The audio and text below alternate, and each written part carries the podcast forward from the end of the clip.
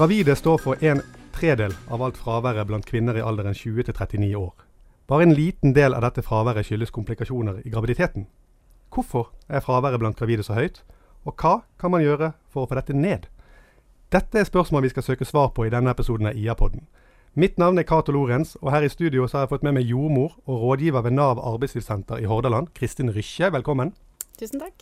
Og jeg har fått besøk av daglig leder ved Vågsbygd FUS barnehage, Gudrun Svensson. Velkommen til deg. Takk skal du ha. Ja, graviditet er ingen sykdom, men en annerledes tilstand. Det er ikke mine ord, men det er ordene til en av guruene på dette feltet innenfor eh, gravid og jobb, Ebba Wergeland. Og jeg, jeg stjeler de litt for å, for å spørre deg, Kristin Rikke. Hvis graviditet ikke er en sykdom, hvorfor er sykefraværet blant de gravide så høyt? Oi, det er et ganske stort spørsmål. Eh, og hadde jeg visst svaret på det, så hadde jo det eh, vært bra. Men eh, nei, det vet vi jo egentlig ikke helt eh, årsaken til. Eh, men vi vet at fraværet er stigende, har vært det de siste 20 årene. Eh, så det er noe vi vet. Eh, og så vet vi at sykefraværet er stigende, at, men vi vet òg at i prosjektene som er gjort i Norge i dag, så er det den enkleste gruppa å gjøre noe med, og fraværet går veldig fort ned, eller relativt raskt ned i denne gruppa. Jeg vil si at det er den enkleste gruppa å jobbe med i forhold til sykefravær. Så vet vi da at likestillingsidealet i Norge, da er jo på en måte friske, sunne gravide i jobb. Det er den eh, familiepolitikken vi ønsker. Men så disharmonerer jo da veldig med den statistikken vi har på sykefraværet.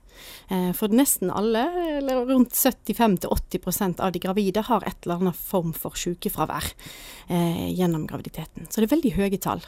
Mm. Så det er et eller annet der som vi ikke får helt tak på. Men vi vet at det skal veldig lite til, da. Mm. Ja, og det, det, det er jo det, det, er på en måte litt sånn Ja, vi vet ikke helt årsaken, men heldigvis vet vi at det skal ikke så mye til. Og, og, og hva som skal til, og, og, hvordan man gjør det, det kommer vi i høyeste grad tilbake til i denne podkasten. Eh, men eh, før vi kommer til det, og, hvilke tiltak og hva som hjelper, så, så har jeg lyst til å spørre hvorfor er det viktig å beholde gravide i jobb så lenge som mulig? Nei, jeg tenker dette her er litt sånn 2018 likestillingskamp. Kvinnekamp er det jo òg. Eh, men det aller viktigste, de som tar kontakt med meg eh, og trenger min hjelp, det er de som ikke har råd til kompetansetapet. Det er som oftest de som ringer, som sliter med å finne fullverdige vikarer som kan steppe inn. De er avhengig av stabiliteten det gir med å ha ansatte på jobb. Eh, og de ser det som, som, en veldig nyttig ressurs for dem å ha, ha kvinnene på jobb.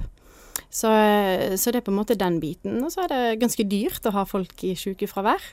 Så tenker jeg òg at det har noe med helse, den psykiske helsa. Per Fugelli sa det så fint, syns jeg, at arbeid er som et helsehus. Det gir helse å være i jobb. Og som gravid å være hjemme gjerne hele svangerskapet, og så eh, ute i foreldrepermisjon etterpå, så er du veldig lenge vekke fra arbeidslivet ditt. Eh, eller fra arbeidslivet. Eh, og da eh, Det er noe med den yrkesidentiteten din å ha den. Mm. Mm. Ja, og Gudrun Svensson, du er også her. Vi har ikke glemt deg. Jeg, jeg, pleier ofte å si at, um, at en må også være klar over at uh, dersom noe skulle skje etter fødselen, eller i forbindelse med fødselen, så har han jo allerede brukt opp ganske stor del av sitt, eh, altså sin sykepengeperiode. Sånn at eh, det, er litt, uh, det, er litt, skummelt å, å, bruke det opp hvis en egentlig, håper å si, i hermetegn, er bare gravid. Mm. Eh, for ting kan jo skje. Ja. Eh, men, eh, men, jeg tenker at eh, på våre arbeidsplasser har vi jo naturligvis Vi har flest kvinner, og vi har mange kvinner i produktiv alder. Og vi har vel hatt iallfall fem som har vært gravide samtidig. Og min opplevelse er at det er veldig viktig hvordan vi forholder oss til graviditet på generell basis. Jeg håper at jeg pleier å si gratulerer som det første jeg sier når noen forteller at de er gravide, mm. for jeg syns det er hyggelig. Jeg syns det er godt at vi føder barn i Norge. Eh, og siden jeg er leder på en sånn arbeidsplass som jeg er, så er det naturlig at de blir gravide. Det er ikke noe de skal grue seg for å fortelle. Eh, og selv om vi har fokus på For jeg tenker det er litt, det er litt tosidig. For graviditet er ingen sykdom. Men jeg har tre barn, og jeg vet at eh, i deler av noen av de svangerskapene så var jeg absolutt ikke i form, selv om jeg ikke var syk. Mm -hmm. eh, og det må en også ta høyde for, for det kan bli litt sånn frisk og kjekk eh, kultur, hvor du liksom ikke skal merke at du er gravid. Og det gjør man jo hvis man legger på seg 20 kg og har vann i kroppen og, og har to små barn hjemme fra før. Men, men at en får i gang en sånn liten sånn bevisstgjøringsprosess på at nå er det ni måneder av mitt liv eh, som kan bli litt krevende. Rydder litt, kanskje. Kanskje er det ikke den perioden en skal være mest sosial. At en skal kanskje prioritere å samle krefter og klare å stå i jobb. Eh, og ha en sånn At det er OK å snakke om, også i fredstid. Også når ingen er gravide. Det Ja. tror jeg er viktig. Ja, der er du inne på essensen, på en Mm. måte. sant? Å ha en systematikk og ha rutiner for uh, så, Og sånn er det å være gravid i vår bedrift. Mm. sant? Altså at eh, da er det, Ja, du får en eh, oppfølging, og det er jo en fase i kvinnelivet der en ikke kan fungere 100 Mm. Altså det er fysisk, sant. Det skjer veldig masse i kroppen, både fysisk og psykisk. Og det er, mm, det er en periode med fare for risiko, og Mm. ja, der en går veldig inn i seg sjøl, gjerne. sant? En, Mm. en bygger rede, og en er veldig opptatt av dette barnet som skal komme. Og det er Vi får jo så få barn i Norge eh, kvinne. kvinne, så det er jo eh, det er jo ikke noe som er vanlig, sant? Altså den dagligdags. Så det mm. Men samtidig så er det jo eh, så, er det så mange som har vært gravid, sånn at vi vet Ja. jo noe om hvordan iallfall et nokså alminnelig svangerskap forløper. Selv om Ja. alt, kan, ja, alt oppleves naturligvis ulikt. Men, Mm. men vi vet noe om hvilke utfordringer du som oftest har i første trimester. ikke sant? Du kan være Mm. veldig trøtt, det kan være oppkast, og så vet vi også at eh, i noen måneder så får du gjerne en periode som er litt lettere. Mm. Og så vet vi at mot slutten igjen så blir det tungt. Og da er det på en måte noe med å sette inn tiltak som virker mot de eh, ulike utfordringene. Utfordring. da. Ikke samme tiltak hele veien, gjerne, ja. men at en, at en har en dialog rundt det. Ja, og eh, det er interessant å høre på dere. Jeg må si det. det, det og jeg vil spørre deg, Gudrun, jo allikevel. Når du, når du får vite at en medarbeider er gravid, Mm. um, hva gjør du da? Nei, eh, vi, vi, vi tar en samtale og så prøver vi å legge en sånn plan. Eh, prøver å se litt sånn inn i spåkula. Hvis du har vært gravid før, så er det jo litt annerledes enn hvis det er første gang. For første gang er det jo veldig overveldende for de fleste. Eh, andre gang er det andre utfordringer, for det er ganske krevende kanskje å ha en på to og en på seks, og så være gravid. Eh, så da er, det, da er det kanskje naturlig at det blir slitsomt litt raskere. Slitsomt litt raskere. Eh, så er jo vi IA-bedrift, så jeg har veldig stor eh, ja, har hatt stor glede av å søke tilretteleggingstilskudd, sånn at vi kan sette inn vikar og ha kollegastøtte. Eh, og at det blir ei sånn gulrot som de kan se fram til mot slutten av svangerskapet. At da kan de kanskje ha to dager i uka som de er på kontor istedenfor på avdeling. For det er klart å jobbe i barnehage er jo fysisk krevende, men også allsidig. Eh, sånn at vi, vi prøver å, å planlegge eh, så fort som mulig. Og, og se for oss liksom, hvordan ser du for deg at du skal kunne stå i jobb. Ja. Og jeg merker også at det er veldig smittsomt. Eh, hvis Ja. sykemelder seg raskt, så er det liksom en Ja, så, så blir det en løsning. det, ja. Men de som da står i jobb helt til de går ut i permisjon, det smitter også veldig. Ja. Eh, Da har vi klart å etablere en kultur på at oss, Mm. hos oss så kan man jobbe, selv om man har stor mage. Og så ler vi litt da når de kommer med de store magene liksom, og prøver å gå forbi små, trange områder hvor ikke de kommer forbi. Og, ja, det Mm. litt sånn humor og, og glede. Mm, Men vi må jo ta vare på de, for det er litt tungt å være gravid, det mener jeg å huske. Vi ser jo da at uh, sunne, friske arbeidsplasser, der jeg ser på en måte at det er voksende mager på jobb, det er, gode arbeidsplasser. Altså Hvis du ser en gravid mage, så går det an for de gravide, så går det an for alle. Det blir jo litt sånn, Også dere spesielt som er i barnehage. Tenk liksom det samfunnsansvaret dere har. Hvor mange foreldre dere møter, hvor mange andre dere eh, tar imot, altså foreldre som, som kommer fra andre yrker, som ser at oi, går det an å være gravid i barnehage, så går det an andre plasser. For deres yrke, både eh, i, i helsevesenet og i barnehager og i renhold, eh, den biten der blir sett på som ganske tunge yrker. Og liksom oi, går det an her? Eh, og det er jo noe med at en, det er en positiv arbeidsplass, det er en positiv livshendelse. Og blir veldig glad for at du møter de gravide med å si å, gratulerer, så flott. Eh, og, nå skal vi, ja, og nå skal vi på en måte planlegge arbeidet opp mot ditt svangerskap, og er nysgjerrig på hva skal til for at du skal kunne være i jobb og ha det bra. Og som du sier, så, så skjer det jo ting. Altså en gra gravid er jo eh, det, det, Ting endrer seg. Det som gjelder i begynnelsen, gjelder ikke det i midten som på slutten. Det er jo da vi vet på en måte at ting endrer seg. Um, sånn at det er viktig å ha disse stoppunktene og begynne uh, oppfølginga tidlig. Og, og se på hva, hva skal til, og så ha stoppa underveis. Eh, du har fått en type tilrettelegging f.eks. Hva tenker du nå, med din graviditet der du er nå? Eh, skal vi ta vekk noe av tilretteleggingen? Vi vet at tilretteleggingen skal være midlertidig og tids, tidsbegrensa. Men hva tenker du nå skal til for at du skal kunne være i jobb? Og stille det spørsmålet. Det syns jeg er utrolig viktig. Eh, fordi ting endrer seg. Og Det du trengte i begynnelsen, er gjerne det du ikke det du trengte på slutten. Mm. Og så er det jo litt sånn eh, både i barnehage, men jeg tenker også helsevesen, skole, alle disse stedene som en jobber med mennesker, så, så, jo, så, så er det jo et sett oppgaver som må gjøres. Mm. Sånn at hvis den gravide skal fritas for masse oppgaver, så er det andre som må ta det istedenfor. Og, og det må vi også være oppmerksom på. for at da slitenhet har jo en tendens til å spre seg litt, ikke sant. Eh, mm.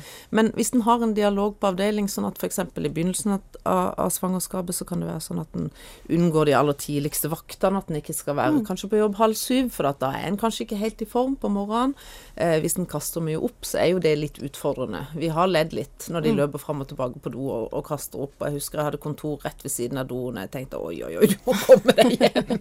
men, men, men, det går jo som oftest også over. Ja. Eh, Eh, også hvis en har anledning til å sette seg ned litt, si at 'jeg syns det er tungt å kle på barn, men jeg syns det er veldig ok å gå på tur'. Altså, mm. At en er litt sånn ærlig på hva en syns er ok, og hva som er tungt akkurat i dag. Mm. Så, så, er min erfaring at de andre er kjempeflinke også til å ta vare på de gravide, fordi det er jo en positiv tilstand. Mm. Sånn at alle ja. syns det er koselig at noen er ja. gravid, og, og, har en voldsom omsorg for det.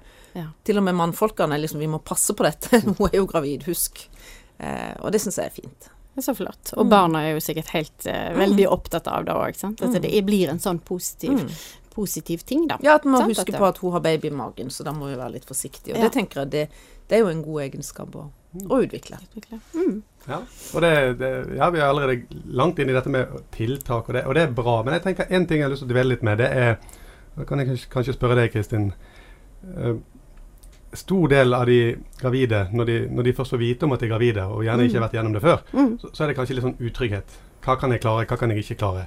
Hva er fare for meg og for, mm. for, for barnet? Mm. Um, den utryggheten, uh, det å samtale med noen som, som kan det Én ting er lederen.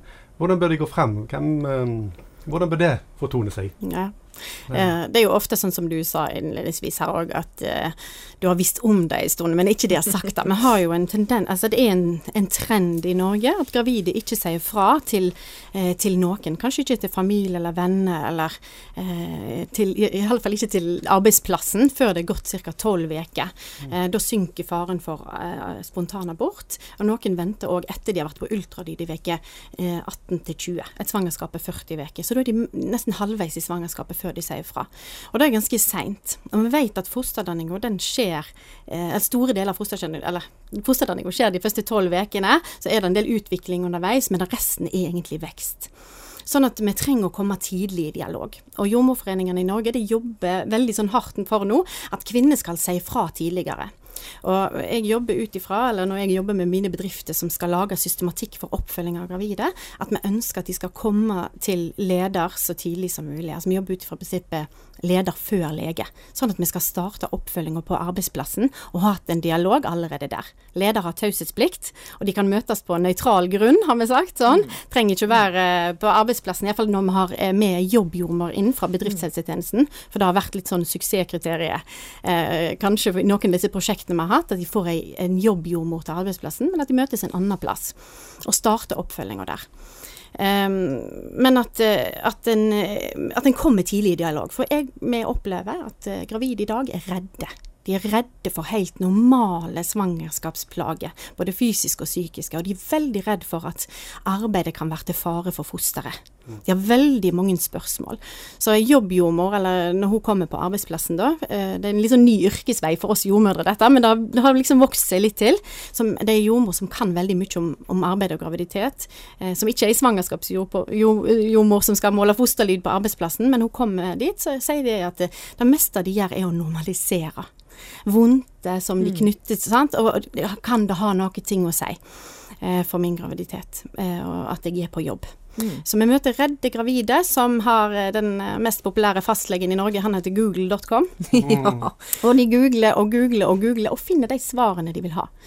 Eh, Ofte de farligste øverst. Ja. Mm. Og så er det sånn at det er blitt veldig mange nettforum, mm. mor-barn-nettsider, mm. der kvinner kan gå inn og stille spørsmål til andre som sitter i dette forumet.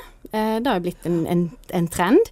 Eh, der de da får de svarene de vil. Og hvis du går inn på noen av disse, så står det f.eks. arbeid og graviditet. Og jeg hadde et eksempel fra det. Der sto det sånn ei som hadde skrevet inn jeg jobber i barnehage, bør jeg bli sykemeldt? Og så sitter det mange da og svarer uff, er du gal, du kan få spark fra barna, du kan få eh, sykdommer, eller smittsomme mm. sykdommer som kan være til fare for deg. Det sitter sånne eksperter da, som er inne på disse forumene. Og hvem er mm. de? Sant? Det er ofte unge førstegangsfødende som er mm. hjemme, som svarer på dette.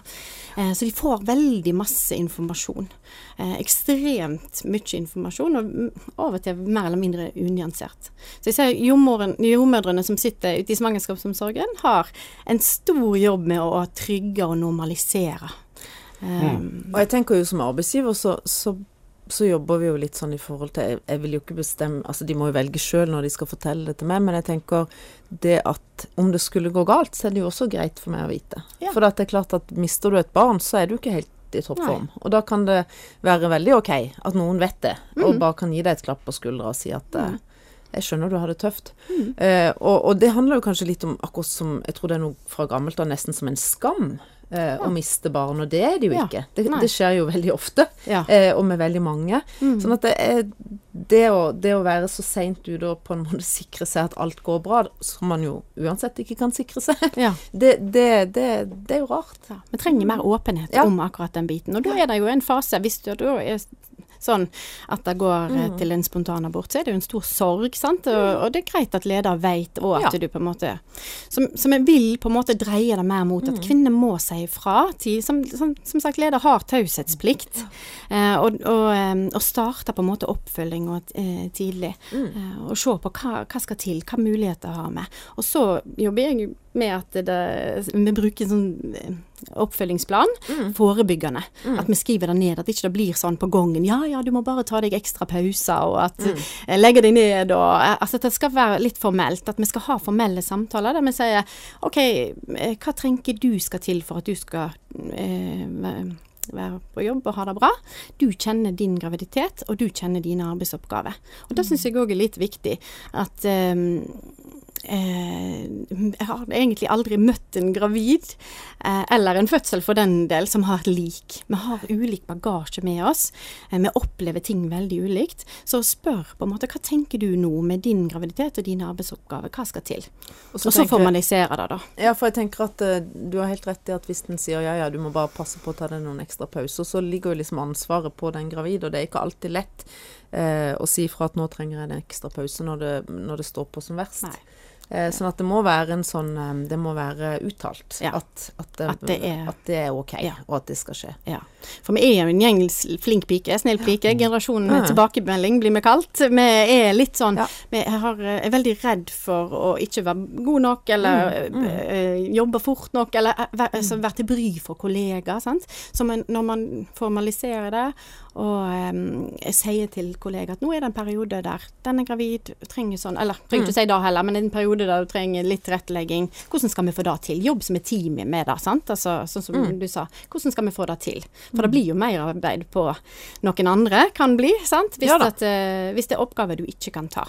Og jeg, jeg syns ofte at uh, det er klart at nå har jeg en stor barnehage, sånn at jeg kan ikke følge med på alle til enhver tid hvordan formen er. Så jeg er avhengig av at de, de hjelper hverandre på avdeling, og jeg syns også de er flinke til å melde fra. Nå tror jeg hun strekker seg litt langt, eller nå ja. må vi se på dette. Mm. Så de er flinke til å ivareta hverandre. Og, mm. og, se sånne signaler. Men, men, men jeg tenker hvis en skal se stort på det, hva skal til for å få ned et sykefravær, så, så er det nok det der med at, uh, at det gis rom, da til å være gravid på jobb. Mm. At det ikke er en sykdom, men at det av og til er litt At av og til er litt slitsomt, for det kan det jo være. Ja. Mm. Eh, også, hvordan man snakker om det. Sånn at, ja. sånn at, det liksom er helt OK å jobbe, og at ikke det er synonymt med sykemelding. For det tror jeg faktisk det kan være. Litt sånn som du sa i forhold til nettet. Og, og det er klart, er du i en arbeidssituasjon hvor du i utgangspunktet ikke trives, tenker mm. jeg, så vil jo dette være, eh, la meg si det litt sånn, eh, nesten som en gyllen anledning. Ikke sant? Det, det tenker jeg jo at, at, det er jo litt, blitt såpass legitimt å bli sykemeldt som gravid at hvis du i utgangspunktet ikke trives, så kan det nok oppleves både tyngre og mer vanskelig å være på jobb, mm. eh, og lettere å ty til en sykemelding. Hva tenker du om det? Jo, altså, ja, altså, altså Trivsel er jo en kjempeviktig del, sant? og kollegastøtte, ikke minst. liksom. Um, men sånn som jeg jobber, så tenker jeg at um, alle skal på en måte få tilbud om samtaler, da. Mm. Altså det som vi vet virker for å få ned fraværet, mm. er eh, i prosjekt etter prosjekt så viser det seg at hvis du har tre, i alle fall tre mm. formelle samtaler mellom leder og den gravide, og så i disse prosjektene har det vært ei jobbjordmor fra bedriftshelsetjenesten med inn i samtalen, mm. som er en nøytral tredjepart, som kan mm. være til støtte både for leder og ansatt.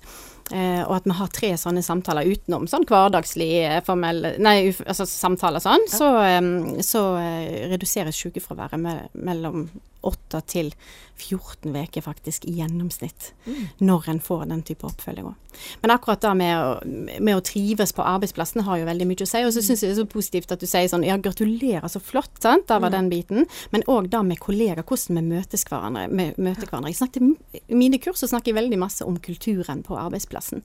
Eh, for det er veldig, det er synd å si det, men veldig mange som blir møtt sånn uff, er du her ennå, er ikke det tungt, skal ikke du bli sykemeldt snart? Altså litt sånn velmenende ting gjerne fra kollegaer. Sånn åh, ja, du, uff, det må være tungt for deg. Mm. I tillegg til at du kanskje er redd. Du er redd for at du ikke gjør en god nok jobb, for mm. da er litt sånn her, sant. Uh, om arbeidet kan være til fare for fosteret, og så får du sånne tilbakemeldinger. Så det har veldig mye om hvordan vi møtes hverandre. sant? Mm. At så flott du er her. Altså Det høres litt sånn flåsete ut, men at vi er positive til det. Eh, og da å si at eh, ja, det er viktig for oss, og spesielt i en barnehage eller i helseinstitusjoner der det er du er avhengig av stabilitet. Jeg vil mm. regne med at det er ganske, iallfall som mamma sjøl, så blir jeg mm. veldig urolig hvis det er vikarer i min barnehage. Sånn oi, er det ikke de faste? Sant? Altså, vi er liksom avhengig av de faste som er der og kjenner barna. Og, veldig viktig. Eh, sant? At de er liksom positive til det. For vi vet jo da at du kan ikke springe like fort med den store magen og ergonomien kommer på slutten, som er problemet. sant? Men, men jeg tenker også så, at vi må vi har som et utgangspunkt at arbeid er et gode, og at selv om man er gravid, så er det OK å komme seg på jobb jobb og treffe ja. folk og ha det sosiale rundt mm. seg. De skal jo ut i en lang permisjon, ja. eh, som, som, jo for mange kan være ganske sånn ensom og, og mm. et helt annet liv, i alle ja. fall. Eh, sånn at jeg tenker hvis vi, hvis, hvis vi, tenker at det er et gode å arbeide, eh, og har det som et sånn grunnlag og et utgangspunkt, Eh, så, så syns jeg at vi kommer langt. Ja. At, at, at, det er bra. Ja. Det er bra å være i aktivitet. Det er bra ja. å være i jobb. Og, det er jeg så glad for. Ikke bare med gravide, men generelt så merker jeg en endring. fordi at for eh, kanskje ti år siden så var det mye sånn Å, du jobber i barnehage. Ja, det er tungt. Ja. Uff, stakkar, nærmest. Mm. Hvis du hadde ulike helseplager. Mens jeg merker en endring, at, eh, at fra leger og fra, fra, andre også, at eh, jobber du i barnehage så heldig, da, da har du jo en allsidig arbeidshverdag. Da kan du jo være i bevegelse. Da kan du være ute, da kan du være inne. Eh, og det er veldig positivt. Oi. For det er klart ja, at, det, at, det, er bra å kunne bevege seg. Det er så flott det er mye liksom, tyngre å sitte bare på en stol. Ja, kjekt å høre den ja. opplevelsen du har av det. Mm. At det har endret seg. Det er da mm. jeg jobber på en måte altså Min det jeg ønsker, på en måte, er at gravide skal ha gode dager på jobb, og at 24 timers menneske. Mm. Da er jeg veldig opptatt av at, at uh, vi skal fungere både på jobb og hjemme, og ha den balansen. Og kanskje gjøre de små tilpasningene på jobben som gjør at du har det bra uh, hjemme òg. At du har energi til de barna du mm. eventuelt har hjemme òg, men at du òg kan være på jobb og ha det bra og yte eh, så mye som du kan. Men så syns jeg også at det er viktig å, å, å, ramme inn og si at det er jo det er en spesiell fase av livet, og den varer mm. sånn, iallfall på kort sikt, ganske lenge. eh, og da er, det, da er, det, jo sånn at hvis en har et utgangspunkt at det er bra å jobbe, og at arbeidet er et gode, ja. eh, og faktisk også viktig, for at for de fleste av oss er det det som gjør at vi har penger til å bo og leve, og ikke sant, det er livsgrunnlaget vårt, så tenker jeg at eh, hvis en har veldig mange andre ting også, som en kan ha, mm. i, i, dagens samfunn hvor en skal være med på mye, Um, så kan det av og til være at jeg sier at det kan være du må rydde litt. Mm. At ikke alle disse fritidsaktivitetene har plass i, i, denne perioden. At det er en periode hvis du blir mer sliten. At kanskje ikke så klarer du å være fullt så aktiv på fritida som du klarer ellers. Og det syns mm. jeg må være lov å si. Ja, det lov å si. At, mm. at en verner litt om det. Eh, for arbeid er grunnsteinen. Mm. Eh, eh, og det, de kreftene en på en måte har, de skal en bruke der, og så selvfølgelig på familie. Ja. Men, men, men en har mange forskjellige belastninger, og så må en se hvilke kan jeg ta bort i denne perioden, som kanskje er litt ekstra krevende. Mm. Mm. Og det er et poeng som jobbjordmødre begynner, altså, ha, tar opp på samtalen og er veldig sånn tydelig på. Sant? Altså, du, eh, du, har en arbeidskontrakt, og når du trør over dørstokken til arbeidsplassen din, så får du betalt for de timene, og da, du, du selger deg, deg selv og din kunnskap og din, dine timer til arbeidsgiver. Eh, og så har vi begynt å lage et lite bilde på det, sånn, eh, der vi skisserer dette opp litt for de gravide, at med aktivitetstrappa. Du skal klare å ta på deg sjøl, og du skal klare å ordne med barna dine som du har ellers, hvis du har det. Eh, så kommer arbeid, og så kommer fritidsaktiviteter. Og kanskje dette er en periode der du må trø ned et trappetrinn i denne trappa ned mm. til ar altså arbeid. Fra, altså trø ned litt i forhold til det livet du har ellers. Mm. Uh, men samtidig så er det jo viktig uh, at det er en balanse. For jeg opplever nok at eh, sykefraværet blant gravide handler om den life-work balance. Mm. Altså at de sliter med å på en måte balansere eh, dette. Noen tar ut alt på jobb, sant? så de ikke har noe ting hjemme. Altså Det er vanskelig å balansere, og der er det godt å få litt hjelp på en måte fra jordmor. Sortere og rydde, ja. litt sånn som du sier. Sant? Dette er en veldig kort fase i kvinnelivet der, der det er endringer. Og, og, hva skal til for, for, at du skal ha det godt, både på jobb og privat. Um, og, og, si noen ting om det, altså. Mm. Så um, Mm. Men, men det, ofte så opplever jeg at det er ganske små grep, eh, altså, eller mm. små tiltak som for, for, vi kan jo ikke Vi har jo ikke all verdens med tiltak vi kan sette inn. Altså mm. vi, kan, vi, kan, vi, kan, si noe om vakter, at en kanskje slipper yttervakter en periode som det kan være nødvendig. At en ikke må begynne veldig tidlig eller gå helt seint. Um, vi, kan, vi, kan, gi tilbud om ekstra pauser. Uh, vi hadde ei som, som, um, som ble kvalm av, av kaffelukt, så hun syntes det var vanskelig å være på pauserommet. Mm. Uh, og da kan vi åpne opp et annet rom og si at kanskje du kan hvile deg her. Uh, vi har hos oss delt inn pauserommet i soner, sånn at vi har en sone som er stillesone, hvor, det hvor det er akseptert at hvis du ikke er helt i form, så kan du sitte i den saccosekken, og så får du fred. uten å å, å, må forklare at, at, du ikke er helt i toppform. Um, og så, så, handler det jo litt om å gi hverandre litt sånn slark. At hvis du trenger fem minutter ekstra, så bare si fra, så får du det. Mm. Uh, men ellers er det jo ikke Altså, arbeidsoppgavene må jo gjøres. Mm. Uh, sånn at uh, en kan tilrettelegge, og så går det ei grense hvor en ikke klarer mer. Mm. Mm. tenker jeg. Ja, og det, og det, er ofte det vi hører. Det, det er liksom fryd å høre på dere sitte her og diskutere, så jeg bare lener meg litt tilbake og, og, og hører på diskusjonen. Men, men, det du sier nå, Gudrun, er jo, er jo litt vesentlig. og det har jeg lyst til å kaste bort til deg òg, Kristin. at det er ikke så mye som skal til i veldig mange tilfeller. Du snakker om disse samtaler, at hvis de har tre samtaler i løpet av uh, svangerskapet, og de er faste og det er systematikk rundt det, så reduserer det var det 14 uker du sa? Eh, ja, det, det. vi ja. har dokumentert i Askøy kommune, jeg kan reklamere for deg, så står ja. de gravide Du har dokumentert at de står gravide i 14 uker lenger i jobb enn da de gjorde for seks år siden når de begynte med oppfølging av gravide. Mm. Og det er jo ekstremt lang tid, da. Ja, ja og, da, og, og, da, vil jeg tro at det, det, det prates om, er jo den gravide som får komme med, med sine spørsmål, sine bekymringer, alt dette sånn. Mm. Vi har fagpersoner som kan si noe. Du har en leder som, som lytter, og, og kanskje innser at her må vi gjøre noe. Men stemmer ikke det som Gudrun sier, at det er svært lite som skal til i mange tilfeller for, for, for, for å få de til å stå lenger? Jo, og jeg er veldig opptatt av at tilrettelegging for gravide ikke skal være ei smørbrødliste med gode tiltak. Altså fritak fra det ene eller fritak fra det andre. Så eh, Det skal være på en måte individuelt. Alle skal få tilbud om samtalene. Det blir på en mm. måte det som blir at en, formaliserer samtalene, men at innholdet blir eh, ut ifra hva behov den enkelte har. Og som vi sa det viktigste er jo å bli spurt. Hva tenker du skal til? Vi spiller ballen tilbake til den gravide. Eh, ansvarliggjør de mer, og hva tenker du? Eh, og de må ha forberedt seg til samtalen, det er mm. utrolig viktig. At de på en måte har fått informasjon at å være gravid i vår bedrift er dette.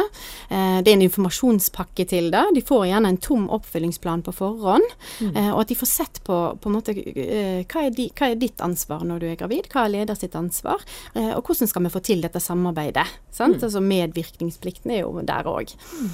Um, og så spør, spør, for jeg opplever at mange er veldig, ledere eller arbeidsgivere er veldig på tilbudssida. De har masse, gjerne dyre tiltak, men så har de faktisk glemt å være nysgjerrig og spørre hva tenker du um, skal til.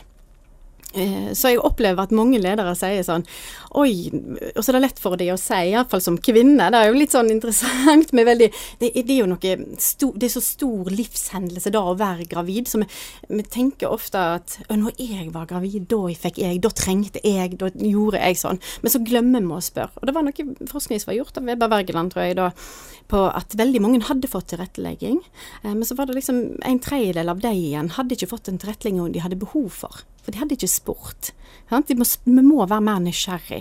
Um, og da får vi ofte helt andre svar enn det vi har tenkt. Så jeg opplevde en leder, det var i en barnehage, som kom til meg og sa ja, for jeg har mer eller mindre hell med disse greiene, og vi diskuterte og sånn. Og så kom hun tilbake til barnehagen sin og satt sammen med tillitsvalgte og verneombud og lagde en, en um, hvordan skal det være å være gravid i vår bedrift? Uh, og så sa hun jeg var så heldig, jeg fikk to gravide ganske sånn umiddelbart, så jeg fikk testa ut, da. Sant? Og innkalte de til samtale. Og hun hadde ikke jobbjordmor, eller hadde ikke mulighet for det. Så det ble på en måte en samtale mellom leder og ansatt, og forklarte. Og de var forberedt, de gravide. Hadde fått Sånn var det å være gravid. Og så sa hun at uh, i ettertid så sa hun oi, um, jeg fikk meg en oppvekker. Fordi eh, før, så nå hadde hun lært av meg, å sitte på hendene og stripse gjennom munnen, som jeg pleier å si, og lytte mer, og være mer nysgjerrig. Så sa hun jeg fikk helt andre svar enn det jeg hadde tenkt. Uh, dette var midt på sommeren, og en av uh, barnehagen var som en hestesko. Og det ble veldig varmt inni den uh, hesteskoen. Så hun gravide sa ja, jeg trenger å gå ut i skogen med gruppa hver, jeg må ha mer luft. Mm. Og hun bare å ja, det er det du trenger. Ja, det er det jeg trenger akkurat nå. Og så mm. hadde de sånne samtaler, da. og de sto til permisjonsstart, og det hadde hun aldri opplevd før. Sånn ja. oi, jeg har faktisk ikke spurt og vært nysgjerrig. Så jeg tenker at det handler jo litt om å, å Altså, det, det ble jo på en måte sånn som i nesten alt arbeid annet arbeid. For det er jo nærværsarbeid. ikke sant? Mm. Det er jo det at vi vil ha de på jobb.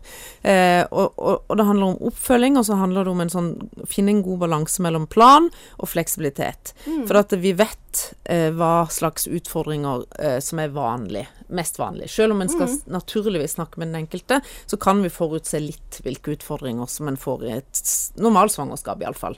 Eh, sånn at det kan være lurt å planlegge, og så samtidig ha rom for eh, evaluering og, og, mm. personlig oppfølging. ikke sant? At nå, ja. nå lager vi en plan for disse tre første månedene, og så kan vi se. Hvor er vi da? Hva trenger du da? Um, det tror jeg er viktig. For det endrer seg jo. Mm. Og som du sa også, så er det veldig forskjell. Hvis, du, hvis det er første gang du er veldig redd og alt er veldig overveldende, så er det faktisk de minste ting som kan gjøre at, som kan sette deg litt ut av spill. Mm. Mens hvis du er, har vært gravid to ganger før, så, så tåler du kanskje litt mer. Du er litt mer robust, men samtidig så har du en tyngre uh, omsorgssituasjon hjemme. Mm. Sånn at det, det, er veldig ulikt, selv om det er litt likt. Mm. Så det blir sånn finne den der balansen mellom plan og fleksibilitet, og så ja, ja likt og ulikt. Og så opplever jeg mange som sier at eh, nei, når uh, jeg har fått oppfølging med første svangerskap, men nå er det andre gang, så da trenger de ikke det. Sånn? Og da bare sånn nei, mm, fordi at eh, det som du trengte første gangen, er kanskje ikke det du trengte andre gangen. Sant? Altså, vi må på en måte ha Du, du vet jo en del ting, men ja. samtidig så tenker jeg at de, de, må få lov å si det sjøl. Mm. Eh, hva, hva, trenger du? Hva behov har jeg? De må få bli, bli sett og få hørt og få medvirke eh, på, på, hvordan sin plan skal være. Og så er det jo innenfor de rammene en har. Det detter jo ikke ned en million til dette arbeidet her. Sant? Så det er jo innenfor de rammene vi har, med de mulighetene vi har, så er det dette vi kan få til. Og så er det noen ting, selvsagt hvis det er et måte, tiltak som jobbjordmødre reklamerer veldig for, så er det jo dette med gravidepausen. Sant? At det er muligheter for ekstra pause. Eh, og Da står det jo noe om i arbeidsmiljøloven òg at gravide og ammende skal ha mulighet til å legge seg ned under egne forhold. Og der må en jo være litt kreativ ut ifra hva den ene hva den enkelte trenger. Der har vi jo eksempel på tannleger som ligger i behandlingsstolen med lapp på dør, og eh, noen som sover faktisk i bilen, for der er det roligst, eller finner på en måte muligheter, oppblåsbar madrass en plass eller sånn. Men gravidepausen har og da er jo Når trenger du den? Jeg trenger, hadde kanskje trengt den klokka to når det begynner å bli litt sånn langt på dag. Mens eh, andre trenger den kanskje etter lunsjpausen, sant? når en har uh, spist, og så får lov til å trekke seg litt unna. Og når vi har hatt uh, Og det er mange gravide som sier sånn Nei, skal jeg, skal jeg gjøre det? Sant? Men innfør den så tidlig som mulig, for da ser vi at de holder lengre.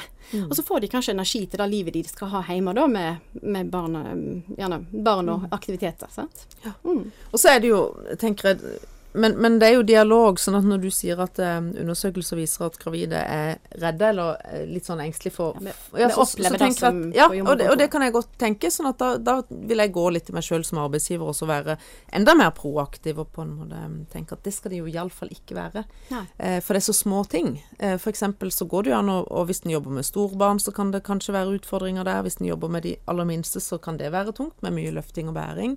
Men på den annen side muligheter for kanskje å ha sovevakt, sånn at en kan eh, være, ha en litt roligere periode. Um, så, så, det er jo denne dialogen hele tida, fordi mm. at det er i endring. Ja. Og det er jo litt sånn tilbake på hvem er det som er gravid i dag? Det syns jeg òg er veldig spennende. Ja. For du sa jo sånn historisk, så er det ikke så veldig historisk langt tilbake i tid, men det har skjedd ekstremt masse. Vi har jo hatt et inntog av kvinner i arbeidslivet fra 70- 80-tallet mm. som har nok betydd Jeg tror jeg nevnte en gang at det har betydd mer for bruttonasjonalproduktet i Norge enn olja har gjort. Altså Absolutt. vi er jo eh, mange kvinner i, uh, i uh, jobb. Eh, nå mister jeg litt på Ja, sant. Altså, vi er mm, men de er ofte kanskje eh, altså Så tenker jeg litt i forhold til alder. Hvis en går en generasjon eller to tilbake, så, så fikk vi jo barn tidligere. Ja. Og det kan jo også ha noe å si, tenker jeg, i forhold til besvær. Har dere noe tall på det? Ja, altså en trodde jo, jeg tror, har jo trodd at noe av sykefraværet har vært mm. at vi altså, får barn senere i livet. Mm. Uh, en uh, førstegangsfødende i dag er 29 år. Mm. Uh, I byene er det enda høyere. Ja. Så en trodde jo på en måte da. Men det ble gjort en undersøkelse på Akershus universitetssykehus i 2012, mm. der de tok 3000 kvinner som kom inn til ultralyd, og spurte dem i forhold til sykefravær. Og da viste det seg at det var de unge ja. som hadde det høyeste fraværet. Ja. Og det er jo litt sånn diskutert i forhold til om det har med forhandlingsmakt, har jeg tenkt, iallfall sånn mine refleksjoner. sant? At mm. unge, jeg som har vært i arbeidslivet en stund, har litt sånn spisse albuer og kan mm. på en måte ja. Jeg krever, sant. Og kanskje mer eh, eh, ja, uttrykke hva jeg har behov for. Hva behov for, sant. Og da når vi setter det i et system sånn med at alle skal få eh, få samtaler. Mm. Ikke bare de som er vanskelige, eller de som jeg tror kommer til å ha mm. et fravær. Så, så, så, får alle på en måte den samme systematikken. Og det er bedrifter som jeg har gjort, eh, jeg har gjort eh, noen brukerundersøkelser på etter de har fått lov til å vært i oppfølging da, med tre, sånne trekantsamtaler. Så sier de at de er veldig glad for den hjelpa, at de ikke måtte spørre sjøl, at de måtte være mm. pådriver for å få tilrettelegging. da. Mm.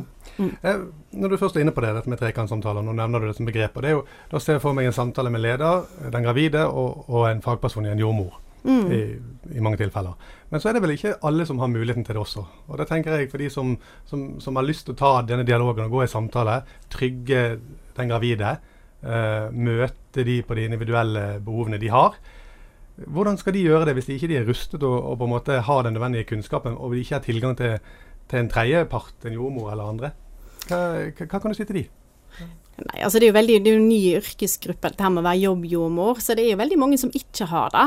Som ikke har muligheten til å, til å få det. Men det er da å, å sette seg ned og, og spørre, sant. Og være nysgjerrig, sånn som jeg sa i stad. Sånn som den, den, barnehagen hadde, det, de hadde jo ikke tilgang på jobbjordmor. Så det, det, er jo da å, å, å være nysgjerrig. Men i, den, altså i de prosjektene som er gjort i Norge med å innføre trekantsamtaler eh, i et system og en systematikk, så har nok den jobb-jordmor-rollen en del å si. Altså jordmor mm. har sagt at mm. det er greit for meg å gjøre sånn og sånn, eller har eh, Ja.